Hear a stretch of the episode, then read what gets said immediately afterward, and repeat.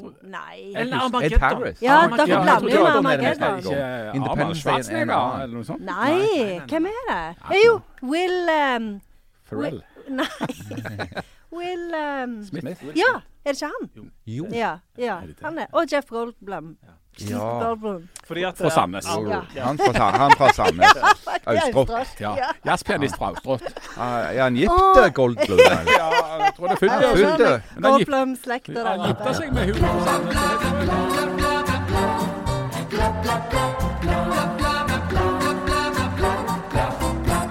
We will not go quietly into the night.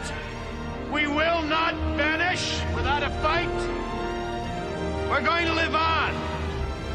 We're going to survive. Today, we celebrate our Independence Day.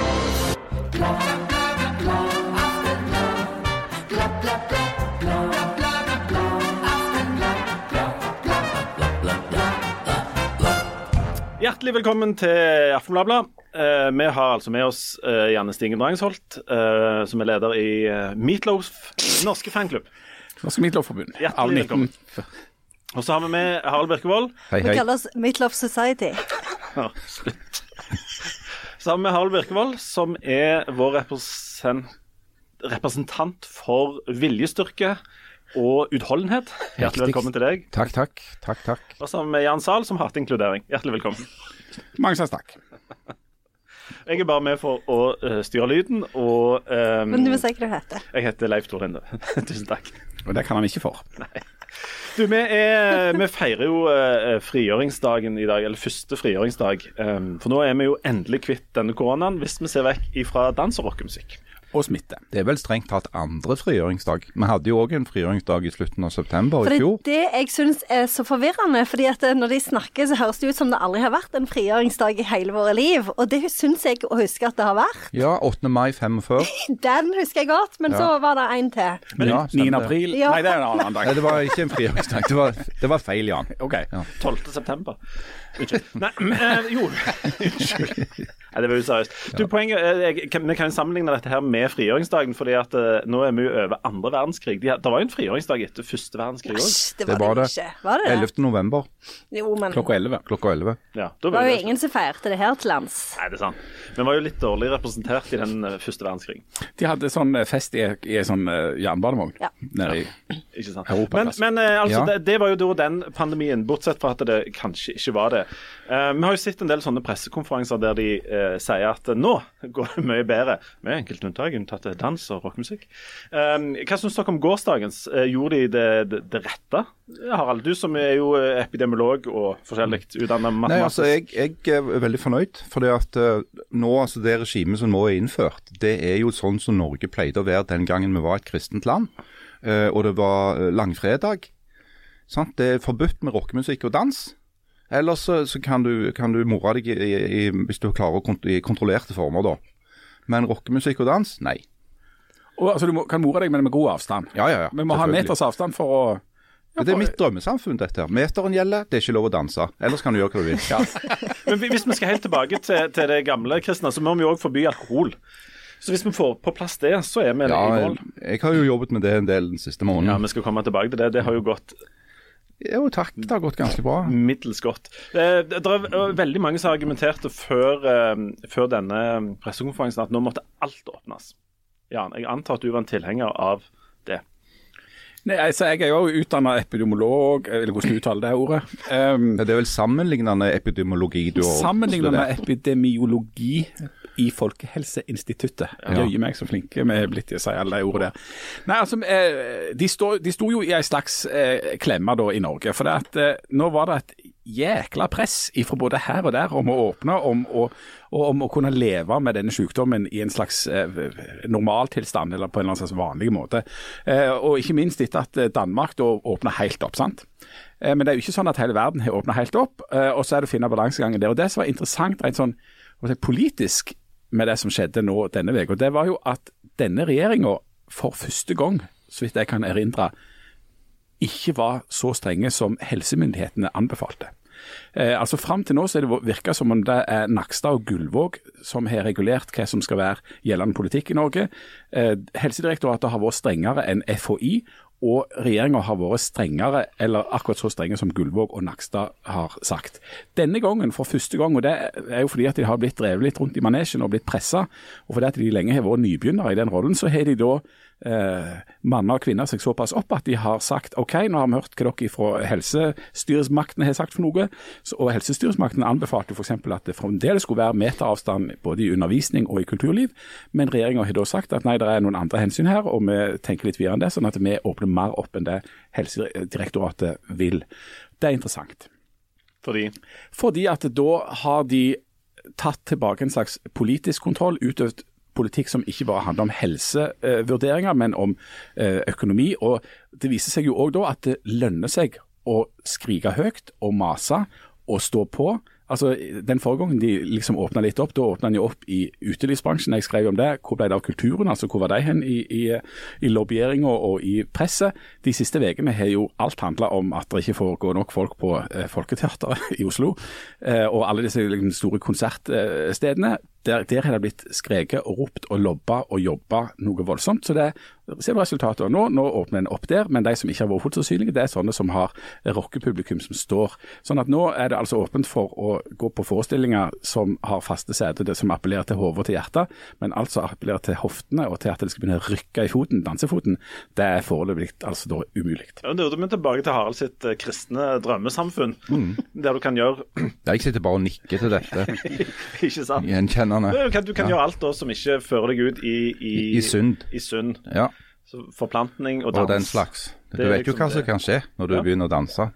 Før du vet ordet av det, så ja, det er jo egentlig motsatt. Altså, I, ja, i de miljøene jeg har vokst opp, så har vi jo vært veldig skeptiske til dette med forplantning, for det kan i verste fall skli ut i dans. Iallfall sånn stående forplantning. Det kan jo fort ligne ut til det forveksling på dans.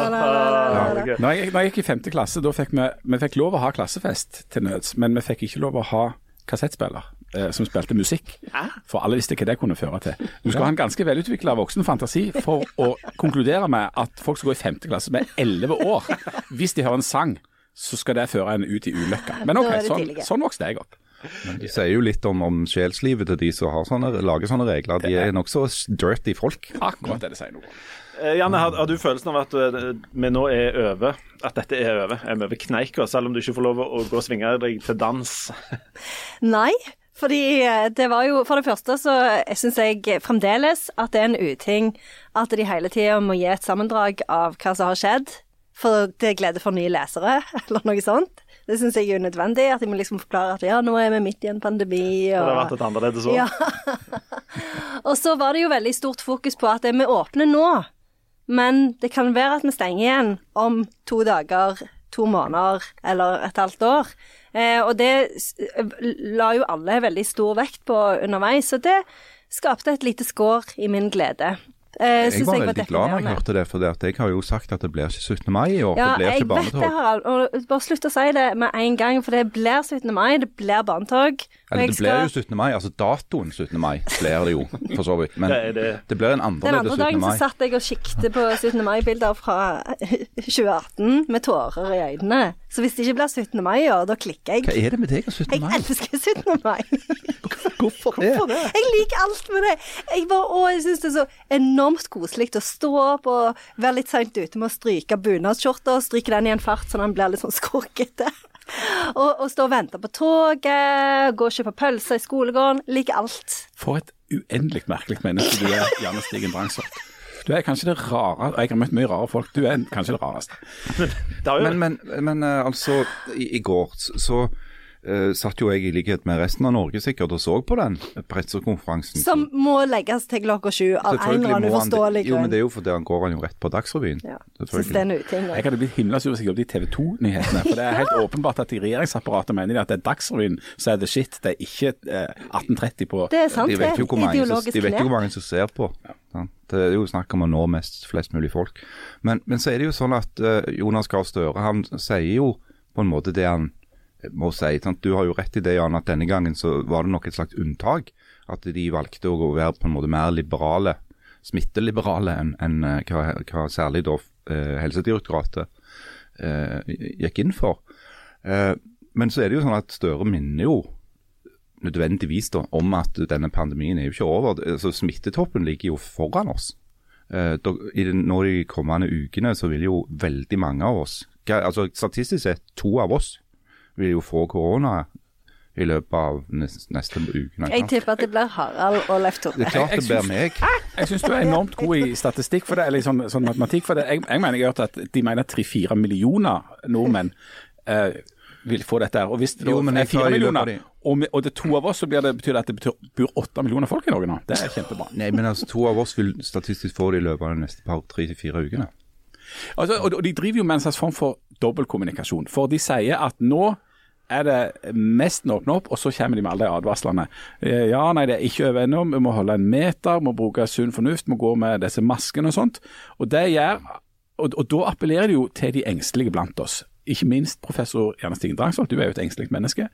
For du tør jo ikke helt da. Da er, det sånn, ja det er åpent opp, og dere må gå ut og på en måte begynne å leve igjen, men dere kommer til å bli smitta, det kommer ikke til å gå over, og det finnes fremdeles, og dere må holde en meter. Mm, jeg er helt enig. Og jeg merker jo hele tida hvordan eh, det påvirker eh, meg sånn eh, eh, nesten sånn ubevisst. At det har satt seg sånn i kroppen at det nesten er ubevisst eh, en del av der å holde avstand og ikke si ja til ting og ikke liksom gå på kulturarrangement. Og det er jo helt fantastisk at det går an å, å delta og gå på teater og sånne ting nå, men det kommer jo til å ta lang tid før folk våger å gjøre det. Ja, tenker så er det jo sånn at du, du skal jo helst har jeg alltid tenkt når det gjelder dette med sykdom, da, helt generelt. Du, det er greit å ikke få det. Sant? Det er greit å ikke bli syk. Eh, men nå er det liksom sånn Jeg merker på folk at de, det er mange som tenker at det kan være like greit å få det nå. Du er ferdig med det. Uh, så sier Si du har en syk unge, da. Eh, hadde ikke vært greit å bare liksom eh, kose ekstra mye med den ungen så sørge for at du får det sånn noenlunde på likt, så er du ferdig med driten. Uh, men det er jo ikke smart å bli syk. Og, og det er jo en av de tingene som nå bekymrer den konstant bekymra personen Nakstad, er jo hvor mange kommer til å være syke sånn at de må være vekke fra jobb samtidig. For det har jo en pris i form av sykepenger og produktivitetstap og alt det der greiene der. Og Det er jo også et symptom på at vi ikke er tilbake til det normale, selv om de har letta så mye opp. For hvis det kommer til å bli fortsette med det enorme sykefraværet som allerede finnes, så er jo ikke samfunnet tilbake til det normale. Og Det er jo vanskelig å planlegge eh, både å gjennomføre det ene og det andre hvis du må kalkulere med at det er 50-60-70-80 sjanse for at noen involverte kommer til å være syke, da, sånn at de ikke kan delta. Ja, sånn at Jeg er jo f.eks. ikke helt gode. Nei, Det har du aldri vært. Nei, og sånn så jeg har liksom gått og hangla litt. Men jeg har jo tatt tre koronatester de siste liksom, timene. Døy, døy Og jeg har ikke korona. Uh, men du føler deg jo nesten litt sånn uh, som om du gjør noe galt hvis du da går ut av huset. Uh, bare går og harker litt, sant? eller føler deg litt varm i hodet eller noe. Så hvis, hvis alle skulle være nå, hvis du får en situasjon hvor alle holder seg hjemme for sikkerhets skyld, så blir det jo fryktelig mye lite, altså, lite folk på jobb. Og Vi har hatt det dilemmaet hjemme med ungene våre. Vi har en sønn som hoster og harker, eh, og som har gjort det lenge. Eh, og vi har hatt- og vi tenker test etter test, test test. Han har ikke korona. Og Da blir det på et visst tidspunkt, når han har ligget liksom tre-fire dager i strekk og med iPaden oppi den der senga, en vurdering av hva er det som er allikevel best for han. Altså Hvis vi skal være helt sånn strikte, hvis vi skulle være helt sånn anale på at hvis du har symptom på noen som helst sykdom, og da skal være hjemme, noe som det virker som veldig mange praktiserer, for, for klassene for tida er jo halvfulle og knapt det, hører jeg. Så skulle jo han holdt seg hjemme, og da skulle noen av oss òg sannsynligvis holdt oss hjemme. Men vi har vurdert det sånn at det er en større eh, belastning helsemessig og, og på alle vis for han at han ikke får undervisning, at han ikke får være på skole, når han faktisk da ikke har denne sykdommen, som er et problem. Men de har jo eh, nå outsourca en del av dette til nettopp sånne vurderinger. Fordi at de sier eh, Altså det, det er meteren, og så er det sunn fornuft utenom det. Ja, og det, og det å så appellere til folks sunne fornuft, Ja, det, det fungerer jo for en sånn eh, 80 gjerne av befolkningen. Så det er veldig overraskende stor tiltro til den norske befolkningen, syns jeg. Ja, 90, 90, 70 da. Men altså, saken er, i, i går så når disse her uh, nye reglene kom, så, så teksta jeg litt med folk jeg kjenner f.eks. i utebransjen. Som driver utesteder, ikke sant, eller uh, rockesteder, eller som er utøvende musikere. Og alle var jo sånn eh, Vi vet ikke helt hvordan vi skal tolke dette her. For det at meteren gjelder, men gjelder den egentlig ikke? Og hvordan blir det for oss? Må vi bare fortsette med bordservering selv om det ikke er krav om det lenger? Fordi at vi har et lokale som gjør at eh, meteren Hvordan skal du måle det? For mange er jo òg redde for eh, regimet med tilsyn. Sant? Som sitter der og har skjenkebevilgning, prikkbelastning, får problemer med, med myndighetene hvis de ikke følger reglene osv. Så, videre. så det, det er fortsatt en del forvirring der ute. Det er mitt inntrykk. Hvordan dette her skal praktiseres. Og jeg tror at en del steder vil legge seg på den forsiktige linja for ikke å havne i trøbbel. Og det som er Problemet med det rent sånn i det praktiske, da, det er at hvis du legger deg på den forsiktige linja, så har det en kostnad. Altså Ja, ja. Hvis du ikke kan fylle opp restauranten din mer enn 50-60% så taper du penger. Mm. Hvis det da ikke er støtteordninger. De støtteordningene økonomisk skal jo fases ut nå. Uh, igjen, altså med de som skal selge billetter, det er vanskelig å selge billettene. Hvis du lager større avstand, så går det ikke rundt økonomisk. Um, sånn at um, det er en forvirrende situasjon, og det er også forvirrende å forstå hvorfor det, altså det, det, de unntakene de nå har hatt fra meteren. For det er meter, men så er det noen unntak. Og Det er alltid komplisert å begrunne unntak, men nå er det sånn at det er altså unntak hvis du sitter og hører på en konsert, men det er ikke unntak hvis du står. Hva er den større smittefaren med å sitte skulder ved skulder versus å stå skulder ved skulder? Altså Er det noe sånn i de der 50 cm i forskjell, eller hva er det som skjer der? Vi har jo diskutert det før, det der med at du har merka seg når, når de åpna opp forrige gang, altså i fjor høst, altså at det var en sånn treghet. At folk kom liksom ikke smakk tilbake igjen. Det var ikke stappfullt på alle utesteder og konserter og kulturtilbud. For det at folk var litt tilbakeholdne, var litt nervøse. Og det syns jeg òg ser når du ser på f.eks. kommentarene på sånne saker. Det, det er ikke sånn unison hallelujastemning for at det nå åpnes opp. Det er ganske mange som fortsatt er ganske bekymra. Som sier at hadde det ikke vært lurt å, å vente litt til?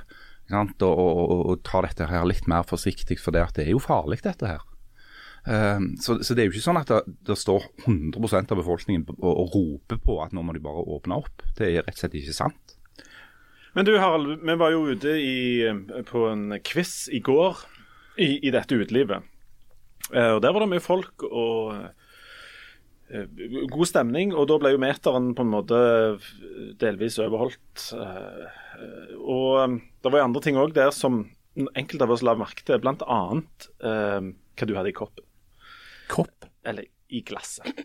For du har jo praktisert eh, Eller skulle gjennomføre en hvit måned. Og vi må jo understreke da at det er snakk om en måned, altså i antall dager. Det er ikke sant Harald har fått måned sånn hårmessig, sånn som det var noen som trodde.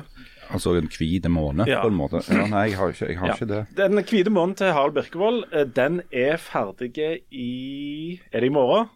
Nå er vi spent. Det er den tredje, jeg vet ikke Ja, dato. det er over i morgen. det er i Nei, nei, det er i morgen. Ja, det er i morgen. Ja. Altså Mm, torsdag ja. den tredje.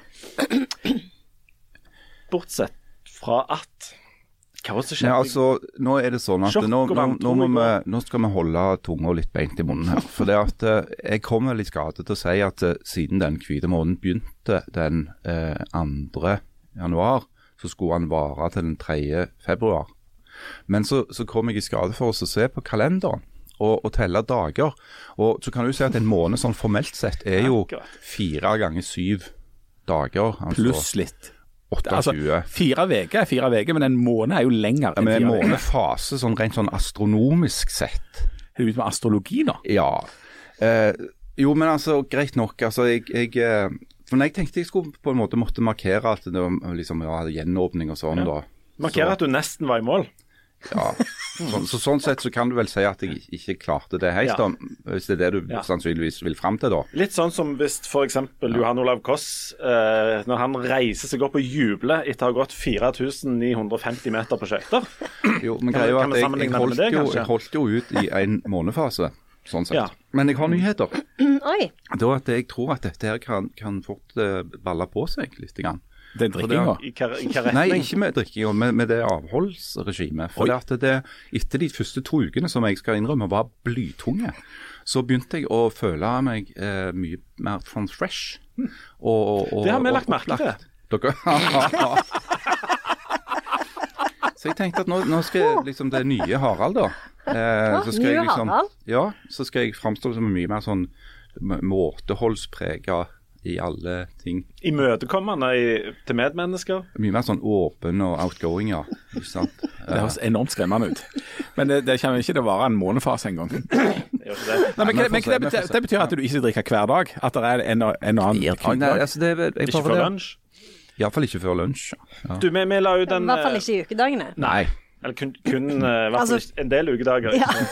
Bare de ukedagene med en R eller en S i, eller en, en Hvit, mandag. mandag. Men du, siden du egentlig ikke klarte dette første, så, så vi la ut et, eh, et bilde av deg på Instagram-kontoen. Ja, det var kjekt gjort. Um, ja, ikke sant? Og der vi jo, som de eh, Vi er jo dine beste venner, så vi lurte jo hva folk tenker slags straff som var passelig for deg. Og vi har fått ganske mange fine for forslag til hva slags straff du bør gjennomføre for å ikke ha klart dette her. Bortsett fra sånne astrologimiljøer, de som er sikkert på de sida. Vi andre er imot. Så vi har fått en forslag her til, oh. til, til sanksjoner. Um, så kan du jo sjøl vurdere hva, hva du vil ha.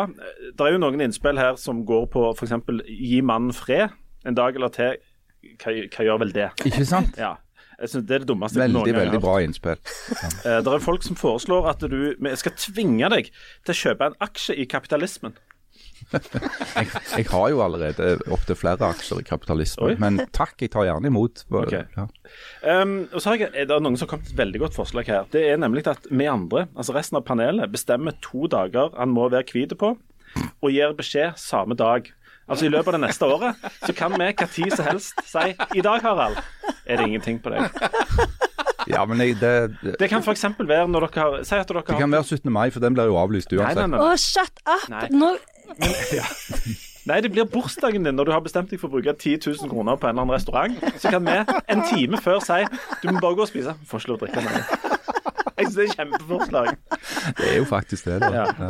Eh, det er noen som foreslår at du skal eh, tatovere et, et logoen til Tine Lettmelk. Det har jeg allerede. Har du det? Nei. Nei.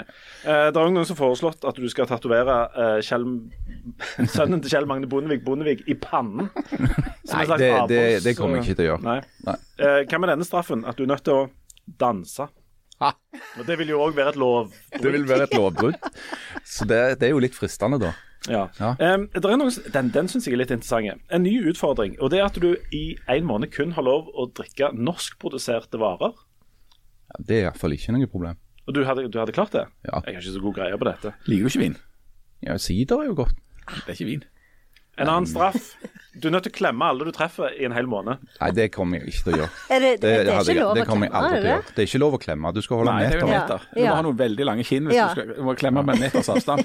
Men du kan ha one night stand hvis du klarer å holde meter. Nei, kan Det er veldig, det? veldig få som har Det er bare noen få av oss, ja. Nå er vi i gang med dette familieprogramgreiene igjen. så Nei, nei, nei, nei, nei, det er ikke et familieprogram. Og, og vi har fått, jeg, jeg, jeg leste Ja, jeg e-post syns òg vi har fått indikasjoner på at det ikke er et Nei, familieprogram. for, Vi har vi er blitt oppfordra til å drive på med mer voksenprat av et menneske.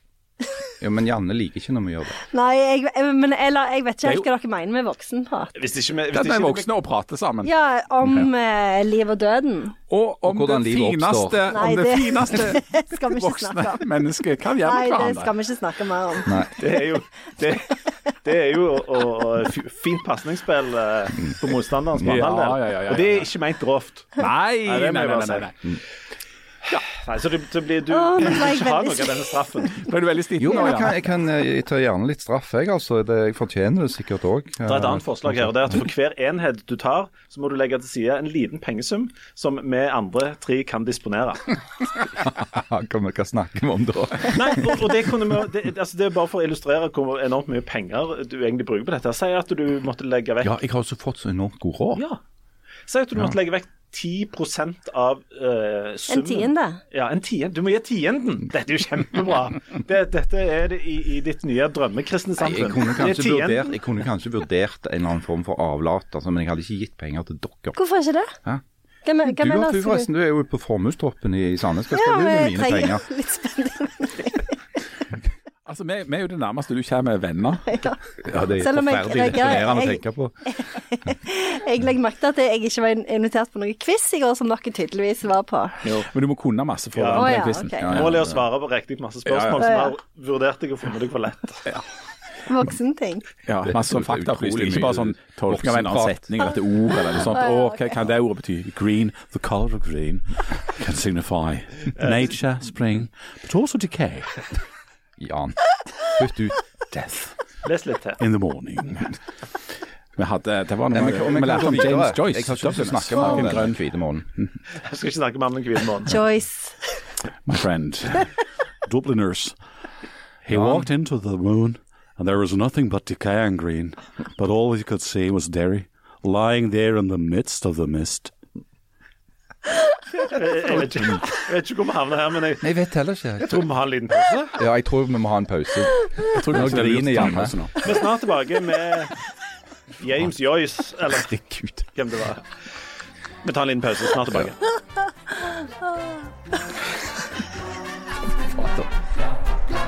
Bra, Sten.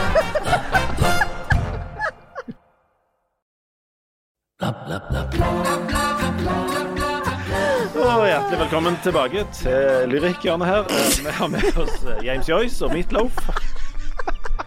Well, some days I pray for silence, some days I pray for soul, some days I just pray to the god of sex and drums and rock and roll. And maybe I'm lonely, that's all I'm qualified to be. There is just one and only, one and only promise I can keep. As long as the wheels are turning, as long as the fires are burning, as long as your prayers are coming true, you better believe it, that I would do anything for love. And you know it's true, and that's a fact. Det begynte litt sånn Shamisini, og så var det litt mer sånn Scottish. eh, Ja, jeg- Scottish meatloaf eh, Det ble litt. Scottish meatloaf. Jeg vandrer rundt på det, i, i United Kingdom. Var vi òg litt i India der? Ja, jeg Var litt, han var litt på et sånt callsenter i, i Mumbai. Det var var litt sånn eh, love. Karpe-innspill. Ja, ja. Du, Men, nå er vi jo inne i lyrikken. Ja, og vi, vi skal snart eh, snakke om, om tunge ting. Vi skal finne ut hvorfor Jan eh, hater integrering og, og, og eh, mangfold. Og eh, Harald skal snakke veldig kjedelig om et uh, tema i tre minutter. Men sist gang snakket vi om Meatloaf, som uh, dessverre døde. Og så kom vi inn på dette med hans kanskje mest kjente sang og linje, nemlig I would do anything for love, but I won't do that. Og hva dette that var. Og Ja.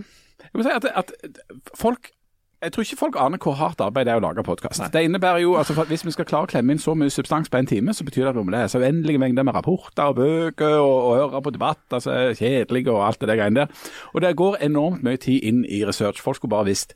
Og jeg tenkte fram til i dag nå at jeg måtte ta på meg den tungjobben og gjøre litt skikkelig research på dette uh, Meatloaf og I Won't Do That.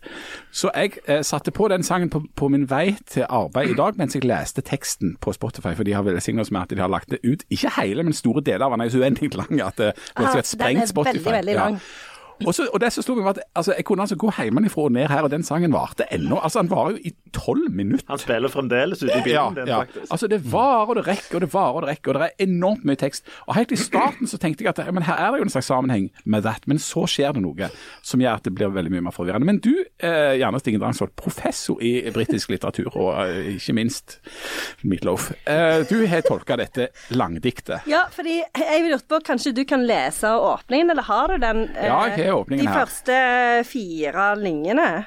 Ja, altså ifra helt i begynnelsen. Ja. And I would do And I would, yeah. I would do anything for love. I'd run right into hell and back. I would do anything for love. I'll never lie to you, and that's a fact. Ja, altså da tenk, det som, For dette, jeg er enig med deg at det henger veldig fint sammen i, det første, i den første strofen der. Eh, og da er vi jo inne i ridderromansetradisjonen, tenker jeg, som jo er på en måte det der klassiske kjærlighetsdiktet, hvor det er et, jeg som snakker til et du, og så eh, lover de at det, liksom, de skal sette ut på et sånn quest, da, eller et oppdrag. Eh, og da er jo målet med dette oppdraget er jo å vinne eh, sin, sitt hjertets utkårede, og så må de overkomme all slags sånn utfordringer og bekjempe monstre på veien og sånn. Og, og da nevner jo eh, Meatloaf eh, spesifikt eh, 'run eh, right into hell and back'. Og da, det er jo en referanse til eh, Orfeus og Evridike-tradisjonen, hvor Orfeus trår til og med ned i helvete for å få tilbake Evridike. Så da syns jeg at det at det var, var veldig fint. Og så eh, er det jo dette med that, som jo er et pekende pronomen, som viser tilbake på en måte i begynnelsen, da, til litt sånn konkrete ting. Eh, for eksempel eh, But I'll never forget the way you feel right now. Og det er da er det første problemet kommer inn. Eh, Av mange. Fordi altså på en måte så passer jo det inn i denne her Courtly Love-tradisjonen. Fordi at det, det er jo en sånn en tradisjon hvor en egentlig ikke er interessert i kvinnen som menneske. fordi at det, en, en vil jo bare snakke om seg sjøl. Altså, denne ridderen er jo bare ute etter å snakke om seg sjøl. Så derfor er jo oftest eh, kvinnen plassert oppå en sånn balkong. Sånn at han liksom kan være sånn 'Å, du er så fantastisk'. Så ser han jo egentlig ikke, så han snakker jo egentlig om seg sjøl. og hvor fantastisk han er. Og det er jo noe som tydeligvis òg Jeg vet ikke om Meatloaf prøver å Om det er en slags kritikk Av, sam det- av samfunnet? Nei! Det er et slags metadikt hvor han kanskje kritiserer denne ridderromansen. Eh, eh, Det kan være. Men du, altså, Men jeg, jeg, jeg, jeg skal bare si Jeg kan ikke si, si vekk fra det, nei. Fordi at han sier But I'll never forget the way you feel right now. Altså, han kan jo ikke vite how you feel right now. Han snakker jo bare om seg sjøl der. Men, han setter seg jo inn i hennes sted. Han viser seg å ha en voldsom empati der. da. Det som er litt sånn dumt med å, om, å snakke om, om Meatloaf på engelsk, da, det er jo at det, det høres jo ut som en sånn artist, men burde jo egentlig snakket om han som kjøttpudding. Altså om kjøttpudding har tenkt på dette med Ja. Orpheus Evredike. eh, Eller tenker på det. Oi, Ja, og- oi, kjøttpudding! Har du tenkt noe på det? om Ja, og om, og om kjøttpudding òg er litt sånn opptatt av å kritisere denne her eh, eh, Courtly Love-tradisjonen, som jo er som sagt veldig objektifiserende eh, for, for kvinner, da. Men det er jo vanlig innenfor diktningen å sette seg inn i den andre sted. Altså at en går inn og tar perspektivet til den andre, og, og liksom eh, late som altså som en allvitende forteller vet hva, hva du føler òg, selv om du er kvinne. Og det er Ja. veldig komplisert å forstå noen ting som helst av hva kvinner måtte tenke og føle. Men ofte på et litt sånn mer subtilt vis. og Det er derfor jeg lurer på om det er en slags sånn kritikk som ligger til grunn her. Men det som jo er veldig forvirrende, da, det er jo at det, etter hvert så, så, så går jo denne eh, eh, teksten over i å bli ekstremt needy på uh, kjøttpudding sine vegne. Ja. For plutselig så handler det jo ikke om den andre her i det hele tatt. For da er det jo sånn eh, Plutselig er det bare han det handler om, og han liksom bare glemmer at den andre fins. For da er det jo Will you hold me sacred? Will you hold me tight? Will you colorize my life? I'm so sick of black and white. Og det er liksom sånn Hva er problemet nå? Kjøttpudding. Ja, ja. Det, det skjønner ikke jeg. Plutselig så er han jo skikkelig misfornøyd med dette forholdet. Og så, etter det, så blir han jo bare kjempebitter. For da er det jo plutselig And you'll see that it's time to move on, and sooner or later you'll be screwing around. Og Det, da vet ikke det, jeg, helt fram til nå så har jeg følt at jeg har ikke noe i denne samtalen å gjøre, for dere andre er så gode på dette med kjøttpudding. Men nå minner det veldig om Du vet, det er en utrolig kul side på Instagram hvor folk legger ut sånne chatter de har hatt på Tinder. Som har gått helt sideways. Sant? Og dette minner om en sånn en. Så I begynnelsen så er han fyren han virker veldig sånn. Sant? Og så etter hvert så blir han mer og mer needy, og til slutt når hun er litt sånn der, Nja, så begynner han å skjelne ut. Men, men, men, nå, ja, men nå, nå kan jeg tilføre noe Ja. som har gjort enda grundigere research enn jeg, og som er veldig interessant i en sånn kunstnerisk sammenheng. Fordi at Det du har gjort, er at du har lest den teksten som et dikt. sant? Og Da forstår jeg at det blir eh, komplisert det der med, med når, når han kommer til 'sooner or later you'll be screwing around'. Ja. Fordi det høres, sånn som du tolker det, så er det altså kjøttpudding som sier dette til dette objektet for hans eh, kjærlighet. Men for de av oss som har kjempet oss gjennom tolv minutter med musikk, og det er en kamp det er et slags bat out of hell å klare å komme gjennom alle de tolv minutter. Og da snakker du ikke om Orfeus Nei, da snakker jeg ikke om Orfeus Eurydike-tradisjonen. Jeg snakker om ja, Det er litt sånn ja, Jeg vet ikke hva det er. Det er Hades eller et eller annet. vet ikke. Men, og Jerry. Tom og Ja, Jerry, Tom eller noe sånt. Men, men det interessante er at mot slutten, i noen av de siste minuttene der, så kommer det nemlig inn en kvinnestemme og er med og synger. Sånn at det er ikke kjøttpudding som sier 'sooner or later you'll be screwing around'. Det er kvinnestemmen, det er objektet for hans fantasi som sier dette. Og så sier han 'I won't do that'. Og der er det nemlig, Ok. og da, da ender det nemlig sånn at i begynnelsen så er det sånn iallfall halvklart hva 'that' er for noe. Det var altså at jeg allerede glemte. Uh, og så er det enormt mye liksom, diktet kollapser, eller po poesien kollapser, men så bringes det inn altså en kvinnestemme som sier en masse ting til han, han eh, liksom, sånn og sånn og sånn. Han sier nei, det kommer jeg til å gjøre, det kommer jeg ikke til å gjøre. Og det siste hun sier, det er altså 'sooner or later you'll be screwing around'. Og så er det kjøttpudding som sier 'I won't do that', 'no I won't do that'. Anything for love, but I won't do that. Men, og det er da jeg detter av igjen, for at det ga Men mening. det, nei, det gir jo ingen mening. Han, sier at jeg, jeg, skal ikke, jeg skal ikke ligge med andre for kjærlighetens skyld. Ja, det er jo nettopp det. Er det var for For jeg skjønner jo at hun, hun sier "Is you- 'pretty soon you'll be screwing around'. For, Det er jo greit. Ja. Det er erfaringsbasert. Eh, det er greit, da. Men Fakta- og så fakta. sier han 'I won't do that', I won't hva det hva de skal gjøre for kjærligheten, da? Altså, Nemlig. jeg skjønner ikke. Det er det ingen forstår. Nei. Og det som er, jeg mener er Problemet til kjøttpudding her, det er at det er den sammenstillingen. Altså, I would do anything for love. Enig.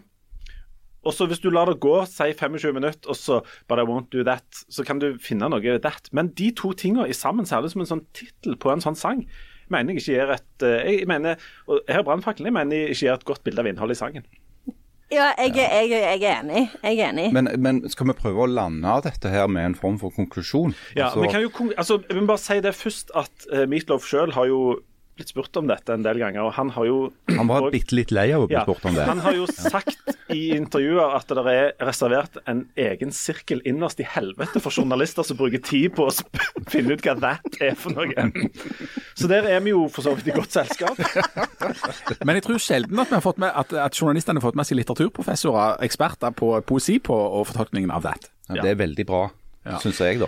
Og så er det jo sånn at fremdeles, hvis noen spør meg eh, etter å ha For jeg òg har prøvd å liksom finne ut av dette. Jeg kan ikke gi et kort og greit svar på hva dette er. Nei. For jeg syns ikke det henger på greip. Men det er jo et langdikt. Går det inn i tradisjonen etter The Wasteland av T.S. Eliot? Um, nei, fordi Jeg tror det var et tullespørsmål, men jeg, Å ja, å ja. jeg er ikke ja for jeg, Jan, nå bare... kjenner jeg jeg har, har mange ting som jeg vil si. Ja, Jeg trodde Jan bare dikta opp navn. The Wasteland er jo et av verdens beste dikt. Ja, Og dette er ikke, denne sangen her er ikke det. ja, det er jo på en måte noe som skiller de fra hverandre. Jeg tror vi kan si det sånn. Men, men Wasteland er jo òg et quest narrative. Eh, som, som jo går inn og, og, og, og, og dekonstruerer eh, en del av de der tradisjonelle Vent litt, vent litt. Får bare bare, Nå har jeg fått inn en klage på øret her. Du brukte dekonstruere og narrativ i samme setningen. Det, du, folk har sluttet å høre på, ja? Akkurat. Ja, men det er flott.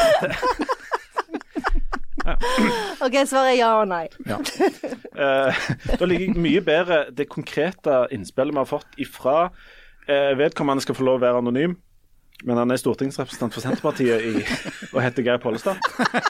Ja, han, ja. Men vi ja. trenger ikke på en måte legge, henge han ut til tørk, men han har tatt kontakt.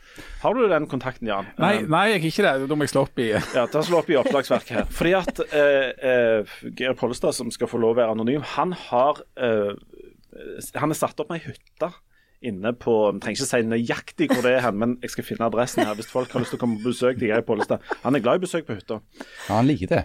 Han liker veldig godt det. Ja. Og hvis du skal kjøre eh, til Geir Pollestad si hytte, eh, så er det eh, et eh, helt nøyaktig tidspunkt der han kan informere om at hvis han setter på denne sangen akkurat der, så er han ferdig akkurat når han kom på hytta. Var det ikke sånn, Jan?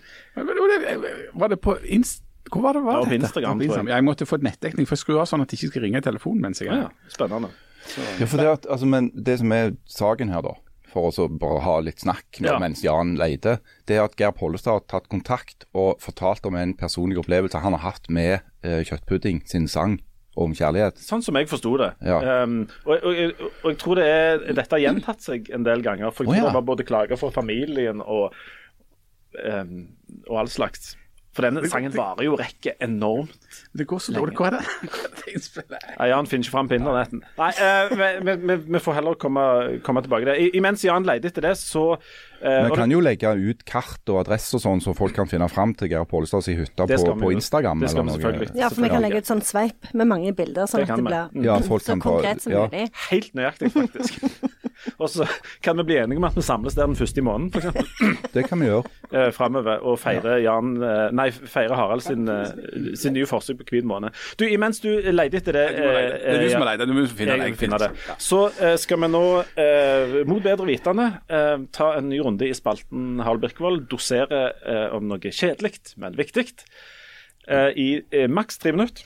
Da må dere lage en bedre jingle enn forrige Ja, ja. gang, for den var ikke spesielt bra. Jeg har fått mye god tilbakemelding på den jinglen. Um, eh, og tema som jeg alltid kommer på litt sånn eh, Ja, jeg vet ikke hva det er. Ikke jeg heller. Men jeg har eh, Jeg foreslår at du snakker om Uh, fordeler og ulemper med å bygge datasenter på Jæren.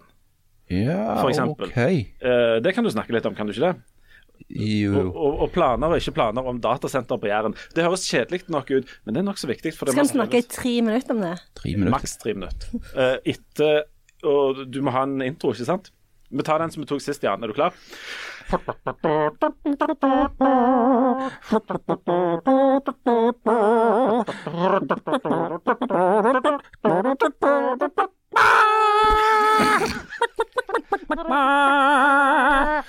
Ja, OK. Det ja. føles jo litt som en sånn ironisk intro når Ja, det har noe det. kakling og akkurat som dere ikke Men det er for å. Det dempe fallet. Ja, men skal jeg snakke litt om datasenter, da? Ja, det. Uh, skal jeg gjøre det med litt sånn kjedelige stemmer òg, eller?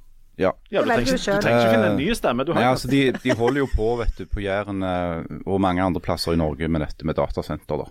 De putler og Eh. For de som lurer på hva et datasenter er, så er det et uh, datasenter. Eh, det betyr et, et slags sted hvor det befinner seg enormt mye data. Uh, og data det befinner seg inni maskiner, datamaskiner.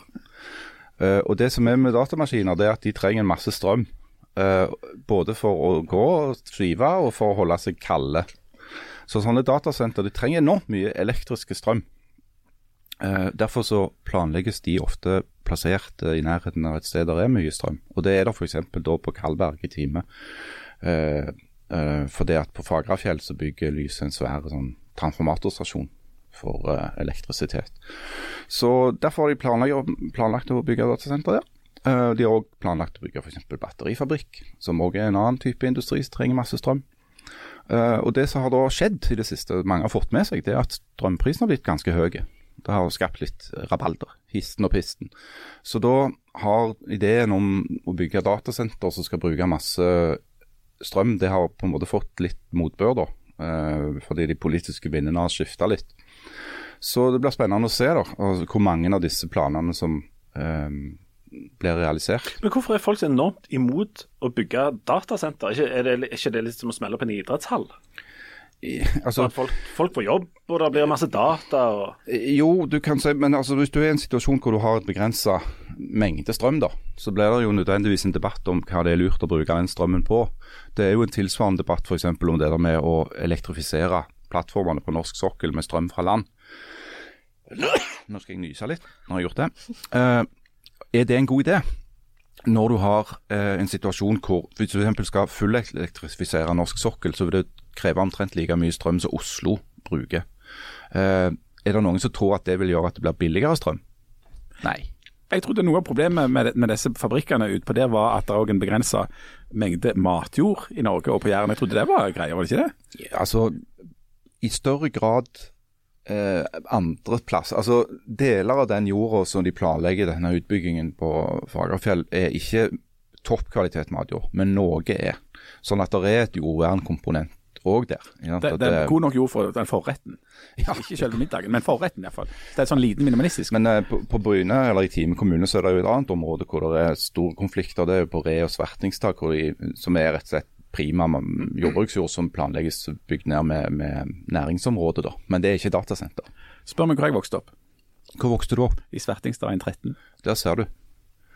Så ja, jeg vet ikke om dette var kjedelig nok, altså det, men det er en stor ting. For det at land og strand rundt så er det jo svære planer om å bygge sånne datasenter. Og de er typisk i små kommuner hvor arbeidsplassargumenter og økonomisk utviklingargumenter veier veldig tungt. Så veldig mange kommuner i Norge har liksom sagt ja til å ta imot eh, Google og Facebook eller hvem det nå er som skal liksom bygge datasenter, med å drive de med norske strøm. I Skiensområdet har jo Google kjøpt opp et svært område for å bygge et datasenter som vil trenge enorme mengder eh, kraft. er, det, er dette sånn at vi vil, vi vil helst vi, vi vil egentlig ikke ha dette her, så vi håper heller at de kan for legge det en annen plass og bruke en annen strøm, sånn at vi kan holde oss for nesen og google Jeg tror, ikke det er, no- jeg tror ikke det er noe med. Altså, I noen småkommuner så er jo politikerne ekstremt begeistra for tanken på å få noe utvikling. Skape arbeidsplasser og ringvirkninger rundt dette her. Uh, så du spør jo Altså, det kommer jo an på hvem du spør. Men det som er sikkert, det er at uh, sånn som denne her strømprisen har utvikla seg, og debatten om strøm har utvikla seg, så vil dette her bli mye Dette vil bli satt mye mer på spissen nå. For det blir stilt spørsmål skal vi bruke strømmen på det, eller skal vi bruke den på det. For vi har ikke uendelige mengder. Og nå, men nå, og nå kan vi vende tilbake til, og dette må jeg si, eh, grunnen til at, eh, at det som er på skjermen framfor meg nå har dukket opp, det er ikke pga. min kompetanse på Instagram, men eh, Janne Strikken Drangsvold. Viser seg at hun er ramme ikke bare i britisk eh, lyrikk og kjøttpudding, men òg dette med Instagram. Du Tusen er millioner takk. Var, gode på sånn SoMe. zoome. ja, du må notere nå, for nå sa jeg jo mange fine ting til deg. Vi er tilbake til Geir, er Ja. tilbake til Geir Pollestad nå. ja, vi er tilbake til hans ansvarlige er for strømprisen, sånn som han er nå. Ja, for det er jo på mange måter Og så hater matjord. Ja. Ja, han hater matjord. Og er fra time. Ja. Strøm. Det er veldig mye bra her nå. Det, det er jo Senterpartiet og Arbeiderpartiet som nå sitter og styrer det, de som har ansvaret for alt dette. De har Men, vel Høyre som ordføreren i time, tror jeg. eh, ja, det er det. Ja. men det er Vi skylder dette på Geir Pollestad. Geir Pollestad på sin skyld. Ja. Men det var dette med Meatloaf. Han har skrevet inn på Instagram, som Janne har funnet fram til, takk for at dere tok opp at Meatloaf gikk bort. En av de største. Så til noe mer oppsiktsvekkende, nærmest som et under. Om en svinger av Hommersåkveien, der med bioanlegget Ivar, slår på Meatloaf-sangen 'Paradise by the Dashboard Light' og kjører alt bilen går innover svingene, så slutter sangen på sekundet der en før Ims svinger av til venstre for å komme til Basagel. Oppfordrer dere til å teste ut. Mulig firehjulstrekk er naudsynt. Det er sterkt. Og faste prosedyre hver gang på vei til hytta. Far, hva synger de om? Så sier far, spør mor. Oi. Så han har hytta på Bersakel, altså. Ting tyder på det. Akkurat. Ah. Og der er Så det, det er bare å møte opp.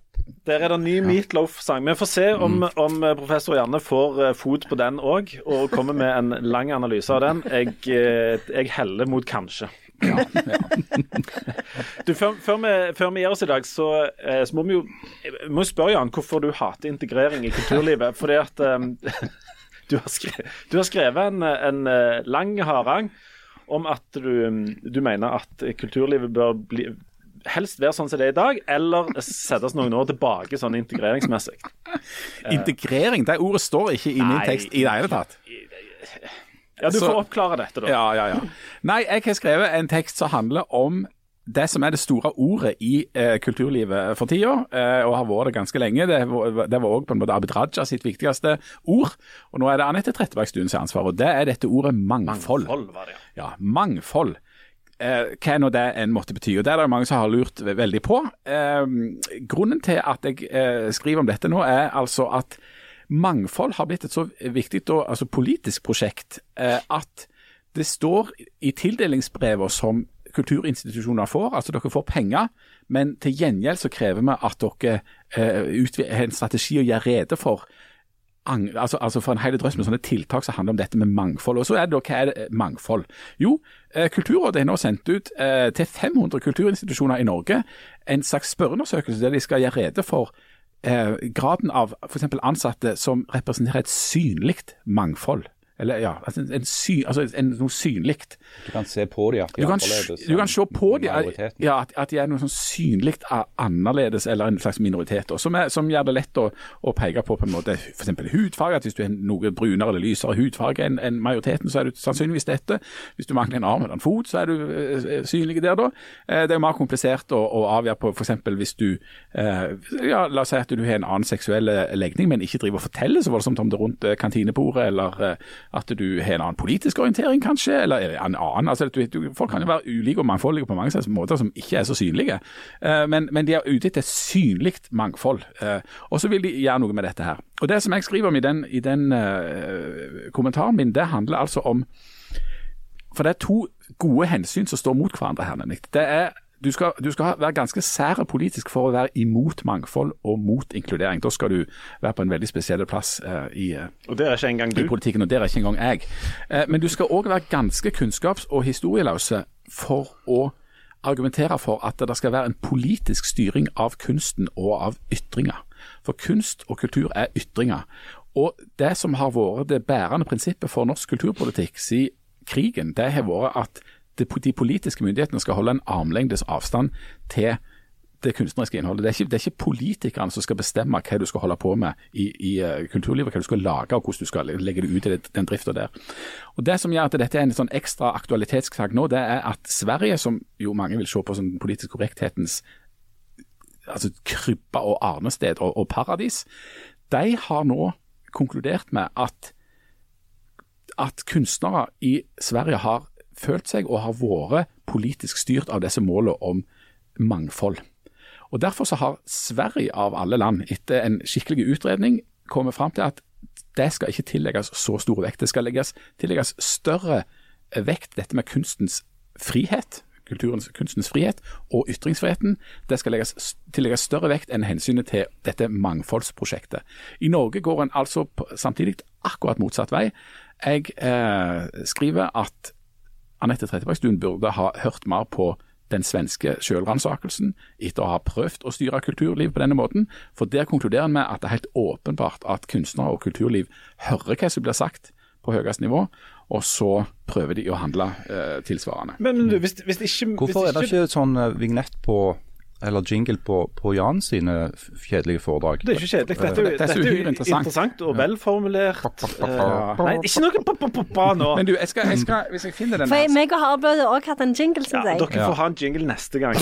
Eh, Ja. Men du, for, for, jeg skal, altså, for dette, dette har et helt sånn konkre, noen helt sånne konkrete utslag. Hvis du vil lage en film i Norge, så må du um, ja, Det er synlig mangfold av det de etterspør i den undersøkelsen. Hvis du vil lage en film i Norge, så må du fylle ut et egenerklæringsskjema til Norsk Filminstitutt, der du skal altså gjøre rede for eh, Altså, du skal fortelle hvordan filmen eller tiltaket du jobber med har ivaretatt mangfold og diversitet knytta til og nå kommer det, etnisitet, urfolk, urfolk, nasjonale minoriteter, alder, barn, unge seniorer, seksuell orientering, kjønnsidentitet, kjønnsuttrykk, geografisk tilhørighet, funksjonsevne og sosial bakgrunn, både når det kommer til innholdsmangfold, skapermangfold og brukermangfold. Altså, det er, det er en ganske tydelig bestilling. og Hvis du nå ser på filmer som kommer ut i Norge nå, så vil du se at, det, at de er mangfoldige. De er mer mangfoldige. Så det virker. Ja, så det, så det virker. Men så er spørsmålet hva slags film er det da du ikke kan få lagt da? Eller, eller, eller er det, altså trumfer det på en måte? Hva slags film er det som ikke blir lagt hvis det er dette som blir så vektlagt? Og er det egentlig Bør politikken og, og politikerne sitt instrumentelle syn på kulturen, altså du skal, du skal gjøre noen, noen ting med kulturen og med, med filmene for at du skal nå et annet politisk mål som handler om mangfold og inkludering. Som jo alle er for, men alle er òg for fri ytringer og at kunsten ikke skal styres. Ja, men det er jo Vi har jo snakket om dette før, men det er jo Jeg er jo enig i det du sier, og jeg, det høres jo litt sånn latterlig ut eh, når du leser opp alle disse her konkrete eh, boksene som må krysses av. Og det minner meg jo litt om når universitetet snakket om tverrfaglighet hele tida. Alt skulle være liksom tverrfaglig for enhver pris. Så du kunne bare liksom sette sammen to ting, og så var det tommel opp. Men, men samtidig så er det jo enormt viktig å på en måte lage en vei inn, da. Sånn at det er både med å gjøre folk oppmerksomme på at eh, mangfold er fint og bra, og vi bør prøve å etterstrebe på å ha det. Det eh, sier du jo er liksom kulturlivet hører, men samtidig så er det jo kulturlivet hører, men samtidig så er det jo enormt lett å bare gå i eh, den der eh, ned den veien som en alltid har gått, og ha eh, alt perspektivet på historien fortelles ut fra eh, en mannlig hovedperson som er 25 og et halvt år. Så det, er jo veldig viktig å på en måte både eh, bevisstgjøre folk på det, men kanskje òg legge ned en del sånn konkrete føringer. Det, liksom, hvis en tenker på f.eks. kjønnskvotering i styrer, da, så var jo det noe som folk var veldig imot. og men det hadde jo en effekt, det hadde jo en positiv effekt. Det førte jo til at balansen ble rokka. Så jeg er jo enig i at det, en bør ikke ha sånn micromanagement på det, men en bør jo kanskje òg ha noen føringer for å faktisk tvinge fram en endring, da. Men da mener du at målet helliger middelet? Altså at Ja, en god ja, hensikt egentlig. Mm. betyr, eller eh, tilsier at det bør være en politisk styring av kultur. Det er et veldig interessant perspektiv eller syn, som òg sier litt om vår tid. Ja, men jeg syns òg altså, For det, sånn så selvfølgelig så kan Sverige er jo alltid brukt som et sånn et eh, skremselsbilde, fordi at de har tatt alle disse tingene, sånn som du sier, altfor langt. Og de svikta oss under krigen. Ja, og de er, ganske, de er jo litt feige. Og de kaller jo Litt- is, litt is for glass, som jo jeg personlig syns er veldig rart. Så dumt. Men, men, eh, men samtidig så, så så bør jo ikke det hindre oss i å teste ut ting. Altså Det er såpass viktig, og, for, og det er jo noe som en snakker om i forlagsbransjen òg hele tida. Eh, fordi at det er veldig få eh, Det er veldig lite mangfold i forlagsbransjen. Og det er jo litt fordi at romanen er en sånn en eh, kunstform som tradisjonelt sett har blitt skrevet av og for middelklassen. Du, hvis du, hvis du, Men- har et, hvis du for eksempel har et, et teater Si et eller annet veikryss i en, på en vestlandsby som på en måte er kvidere enn en sånn bamsehotell i Syden. Eh, hvordan, får du, hvordan får du liksom rocka litt med de greiene der, men hvis du ikke gjør det på denne måten? Altså ifra de som eh, tildeler penger, offentlige penger til, til f.eks. et teater. Hva, hva er hvis dette hadde skjedd av seg selv, så hadde det jo vært unødvendig. Og, og Hvis du ikke legger sånne føringer, hvordan skal, hvordan skal da minoriteter og, og innvandrere og folk med halvannen arm og uten håp og sånt komme seg inn på disse plassene? Ja, og det, og det er jo det som er det helt store dilemmaet. Og, Det gjelder å finne balansegangen da mellom å, å, å signalisere og dytte på i den retningen, uten at du blir for detaljerte. Altså Blant de tingene som Norsk kulturråd har spurt om, det er når de skal ha denne synlige minoritets- eller flerkulturell bakgrunn. Um, da ramser de f.eks. opp noen altså nasjonal minoritetsbakgrunn, som f.eks. kvener, norskfinner, jøder, skogfinner og romanifolk. Og så er det, Hvordan skal Rogaland Teater i detalj klare å få inn nok skogsfinner? skogsfinner og kvener eh, og romanifolk på, i alle ledd i produksjonen av teater? Spørsmålet er hvor mange skogfinner er da, som, som f.eks. er dramaturg, eller i forlagsbransjen, som, som, som, som er eksperter på, på en måte utvikling av, av, av noveller. Sånn. Altså, det- hvor tid blir det komisk? Det blir jo komisk hvis, du, hvis du på enhver forestilling må ha en jødisk lydmann. Ja, sant? Ja, det, det, for det er sant. Ja. Jeg ser jo det. Eller Ja, men, men, men, altså igjen, det går, det går ikke an å være mot mangfold og inkludering, men, men liksom, hvor går grensene? Det var jo en diskusjon i, i, i eh, sommer på eh, filmfestivalen i Haugesund der de diskuterte uh, dette mangfoldsperspektivet. da. Det var jo etter at den nye filmen til, til Eskil Vogt, den gode og velmenende filmen 'De uskyldige', ble kritisert for at det liksom framstilte det For, for der var det sånn fa- fargeblinde casting, sant. Eh, der det var folk med ulike hudfarger og ulike etniske opphav. Jeg tenkte det var flott, eh, kjempebra. Men det ble, den ble da kritisert for at, at noen av de med brunere hudfarge var de som gjorde onde ting, og at noen av de familiene det gikk ikke så bra. sånn at Da forsterker du stereotypien. Men hvis du skal være fargeblinde, så må jo òg folk med både brune og hvite og rosa og rød hud har gode og dårlige sider, tenker jeg. Altså, det kan ikke være sånn at Hvis du framstiller noen med brun hud, så må de nødvendigvis kun ha positive egenskaper. Og Så ble det også kritisert at ja, men det er jo ikke nok folk med andre typer bakgrunn i resten av filmapparatet. Altså i castingen og i manus, i regi og alt. Men igjen, som med liksom, hvor mange skogfinner er det som er dramaturger? Hvor mange eh, skogfinner er det som er eh, som driver med, med scenografi eller casting? Altså, altså Når får du til en, en slags realisme i dette? Og er det sikkert at, de, at det er dette de vil bli?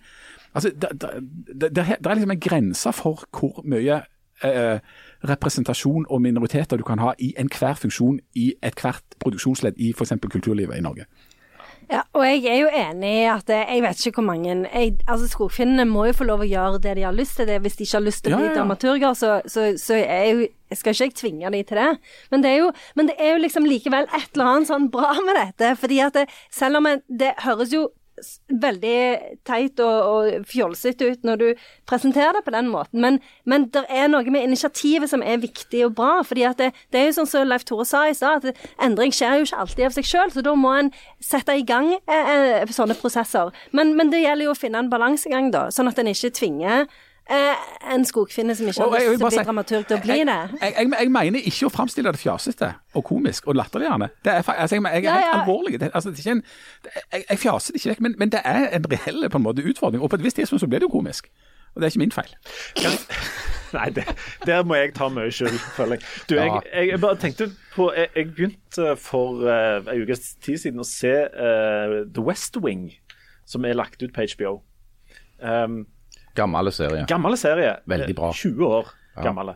Og det, jeg tok meg sjøl her en dag i å uh, synes at det var litt sånn det var litt sånn teit, fordi at i den serien er alle mennene politiske strateger og eh, enormt gode. liksom sånn. De fleste damene er sekretærer og litt sånn comic relief og sånt. Og jeg trodde at jeg var vel, syns, syns sånne eh, Alt det der som, som vi nå har snakket om er litt sånn teit, la folk bare holde på. Men jeg ser jo at um, sånne ting over lang tid uh, gjør noe med meg. Altså, nå reagerer jeg på sånne TV-serier der damene har fått litt sånn gammeldags dameroller og sånt. Um, og Det er vel det som er målet med, med, med disse tingene her på lang sikt. At Ja, ja. vi skal komme der til at F.eks. det med, med helt sånn naturlig representasjon. F.eks. på et eh, teater i et veikryss som er der alle har like lange armer, holdt jeg på å si. Det er ikke ingen kvener i cateringen. Eh, at, at det skal kunne gjøres noe med. Um, tror du at det finnes andre måter å gjøre det på enn sånne litt sånn tydelige instruksjoner fra en sånn storesøster i Oslo? Ja, jeg tror det kan fort bli overdrevet og for detaljert. For nå er det sånn at Hvis du skal lage film, så, så kan det godt hende at det påvirker det kunstneriske produktet og filmen og, og det du, tiltaket du skal i gang med, at du må kunne krysse av på alle disse boksene. Og Det er ikke nødvendigvis sikkert at filmen blir best av det. Eh, sånn at jeg mener jo kvalitet og, og altså Kvaliteten er det sentrale, og friheten er sentrale i kulturlivet. Eh, så for detaljorientert er ikke bra. Jeg, jeg er jo et barn av 90-tallet eh, og syns det er veldig rart med denne her, retning, eller denne dreiningen man har fått nå, om at identiteten din er det viktigste med deg. altså hva, liksom, hva, en, en annen et sånt kjennetegn med deg er det helt sentrale. Om du er døv, eller om, om du er homofil, eller om du er brune, eller om du er lys, eller, altså, at, eller hva kjønn du har. altså det, det er det mest sentrale.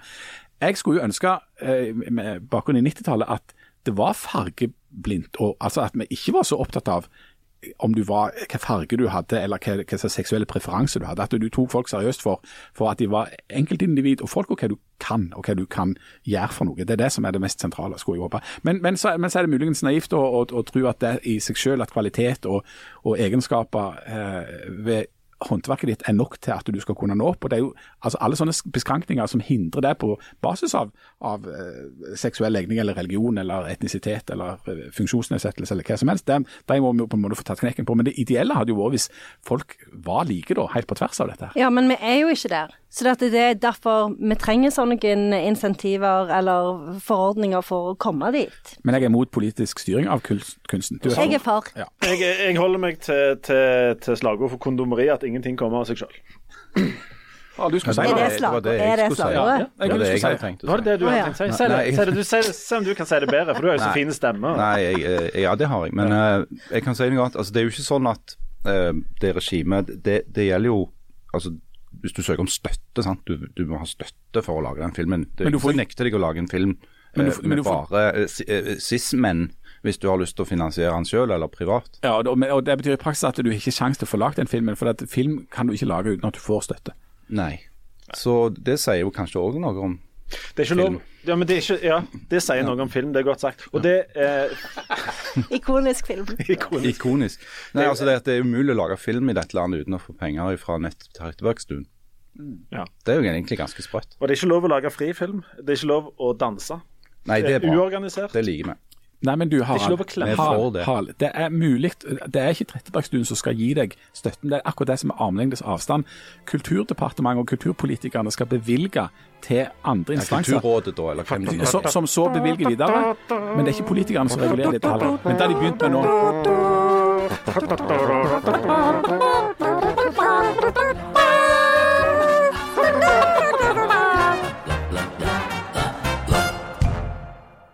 Om det var, sånn, om det var harmoni. Ja, det var det. Det hørtes veldig ut som harmoni for meg. Ja. Dette var, dette var sånn som så Beach Boys jobbet. ja. Dette er den mest harmoniske podkasten jeg noensinne har vært med på. De siste kvarteret, 20 minuttene, hadde jeg ingenting å melde.